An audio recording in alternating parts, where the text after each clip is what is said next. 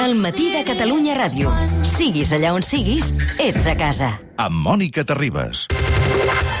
Desinforme setmanal. Especial coronavirus. Estic cagat, eh? hay que ir con mucho cuidado.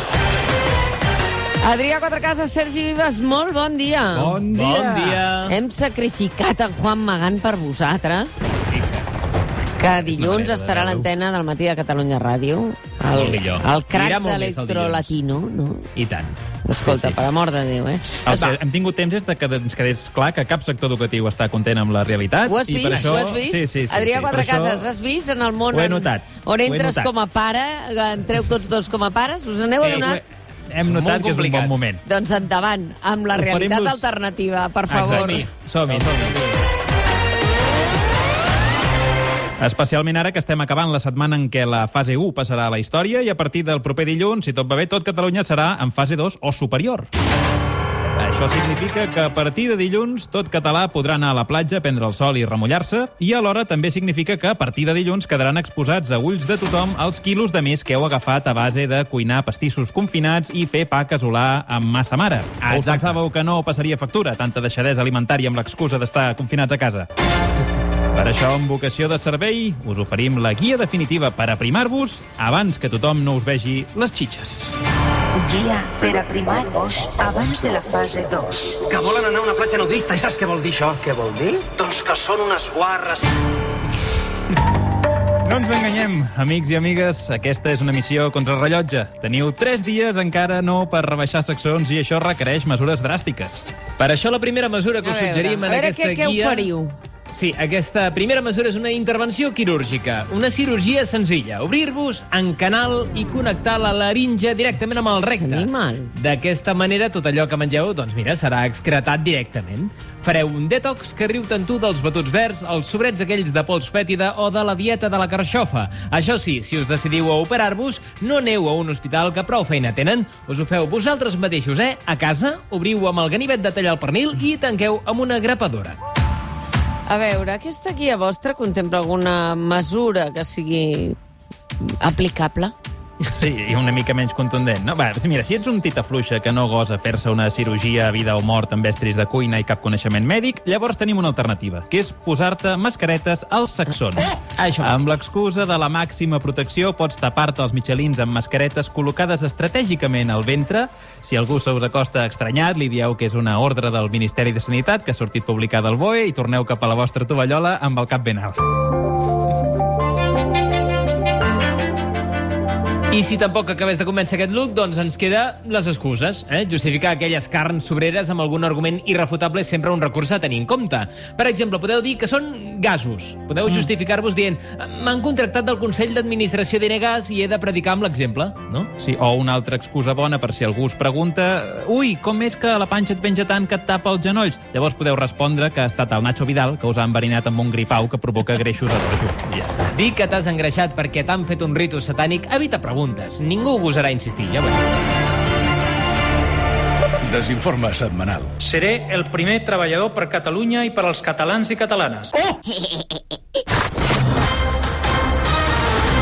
La Generalitat de Catalunya ha pres mesures després de la nova picabaralla entre Junts per Catalunya i Esquerra arran de l'abstenció dels republicans a la nova pròrroga del govern de Pedro Sánchez. Mm. El Palau de la Generalitat ha acordat que els consellers d'Esquerra i els de Junts per Catalunya no es podran acostar a menys de dos metres quan surtin de les reunions i passegin pel pati dels tarongers. Sentim la Mònica Terribas quan li preguntava com duen aquesta complicada situació a una de les conselleres del govern que, això sí, s'ha volgut mantenir en l'anonimat. Com ho fareu, això del pati, avui? Farem com una rotllana i pues, ens separarem a dos metres. Si ja ho portaràs bé, això d'estar separada a dos metres dels teus amics? Sí. No et fa patir, això? No. No, esclar, no es fa patir perquè ja estan acostumats a les picabaralles, eh, tots plegats. Sí, clar. Es filtra un vídeo d'Irene Montero admetent que Pablo Iglesias deixa gotetes a la tassa del vàter quan va pixar. Una intimitat de la convivència galapagar que interessadament s'ha fet sortir a la llum per qüestionar el compromís d'Iglesias amb la higiene i els bons modals i que mostra la ministra Montero confessant a una periodista que si la seva parella no espavila, s'està plantejant prendre mesures radicals com agafar el Pablo per banda i fer-li un nus a la punta de la puta. sea, no lo voy a decir porque... Sí, porque te van a sacar cantares, ¿no? No, pues porque, tía, porque quiero ser muy prudente. O sea, incluso tomando medidas drásticas, la, la- la capacidad real de, de control es muy limitada, tomando medidas súper... Súper drásticas. Sí, superdràstiques. Sí, sí, sí, ho és. Pablo Iglesias s'ha vist obligat a admetre que sovint la punteria li falla i ruixa de, de pixo zones del vàter que no hauria de mullar. Això el passa. vicepresident troba raonable això del nus a la punta que es planteja Montero, però reivindica que aquesta tara tan masculina de miccionar o fora del perímetre, la Irene ja la coneixia abans de mudar-se junts. Bueno, lo que dice es bastante sensato y dice cosas que ya se sabían.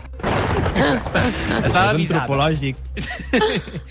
L'unitat d'homicidis dels Mossos d'Esquadra està treballant aquesta setmana a l'estudi de Catalunya Ràdio en sospitar que s'hi ha produït, atenció, un assassinat en directe. Ara tornarem a sentir el moment del presumpte crim, així que els més sensibles que apaguin la ràdio o posin recu. Atenció. Què vol dir que posin raco? Has dit això? El 635.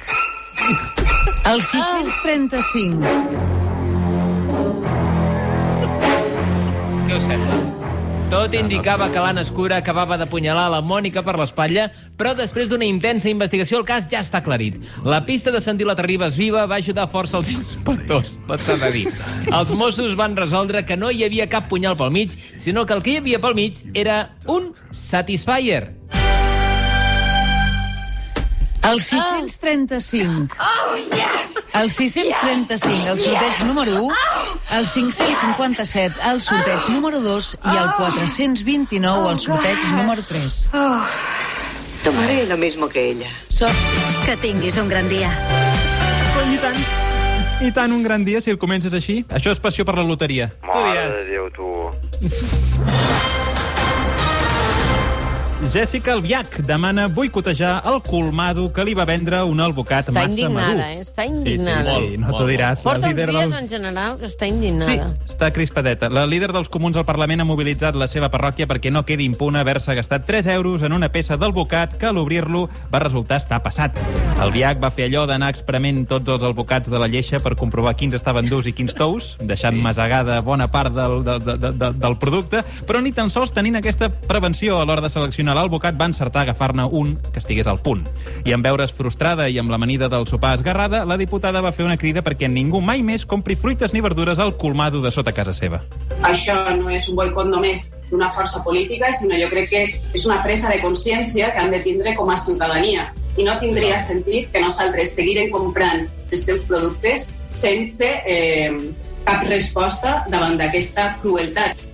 No, no, cap albocat passat sense resposta. Eh, és una pasta, eh? És una pasta. Catalunya Ràdio té un grapat de corresponsals que fan tanta patxoca que el nostre desinforme també els volem lluir. Digue-li així o digue-li deslluir, és igual. Comencem la ronda de corresponsals als Estats Units, on el sempre ponderat Donald Trump s'ha deixat estar de romansos, s'ha posat una caputxa blanca al cap i ha organitzat una rua similar a les que organitza el Barça quan guanya un títol o el Reis Max quan arriba gener. Però en comptes de futbolistes hi ha enfilats policies racistes i en comptes de llançar caramels llancen teasers i bales a tot afroamericà que se'ls acosta.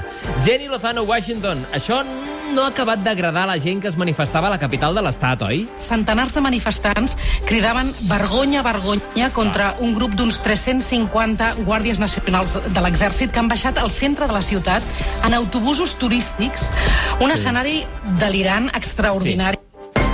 Brown, també em sembla. Anem fins a Madrid. A Madrid, al Congreso, on uns diputats de Vox també s'han estat de romansos i han fet una exitosa ouija per contactar amb l'esperit de Franco, que de cop i volta va fer acte de presència a l'hemicicle. Era el que faltava, ja. Albert Calatrava, ha calmat els ànims l'aparició de l'esperit de Franco? va aparèixer ahir, veurem el nivell eh, d'atenció, no convida l'optimisme. No, no, no gaire, no. I acabem connectant amb l'Adrià Quatrecases, que s'ha volgut ocupar personalment d'un assumpte que comença a ser habitual. Membres de la mesa retirant coses dites des del faristol. El nostre intrèpid reporter ha volgut saber on vas a parar aquestes frases retirades. Adrià, les has trobat? Les he trobat, les he trobat, Sergi. Les he trobat aquí.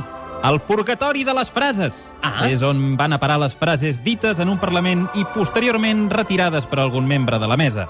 Oracions que es troben en aquesta terra de ningú, on no tenen la mateixa oficialitat que la resta de frases, però tampoc la insignificància de les frases mai pronunciades.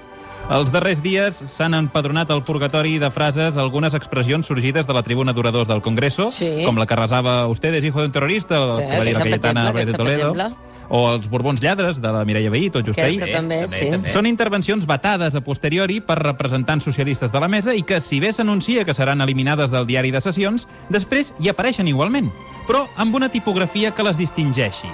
És la censura de Schrödinger, frases que consten i no consten alhora. L'ànima pecadora d'aquestes oracions consta en cursiva i entre claudàtors, en una condemna eterna a la redempció, vagaran per sempre pel purgatori de les frases, un territori on conviuen Oh. les frases retirades per les meses parlamentàries, els inicis de novel·les tripats pels escriptors eh, inconformistes i els acudits que se'ls acudeixen als còmics, però que per covardia no gosen dir per antena. Adrià Quatrecases, Catalunya Ràdio, Purgatori. Doncs cap al purgatori tots dos, estimats Doncs eh, Sergi Vives, Adrià Quatrecases, moltíssimes gràcies. Cap allà, per la feina de tota la setmana, per la paciència. Moltes gràcies, un petó. Bon cap de setmana. Bon cap de setmana. Cuideu-vos.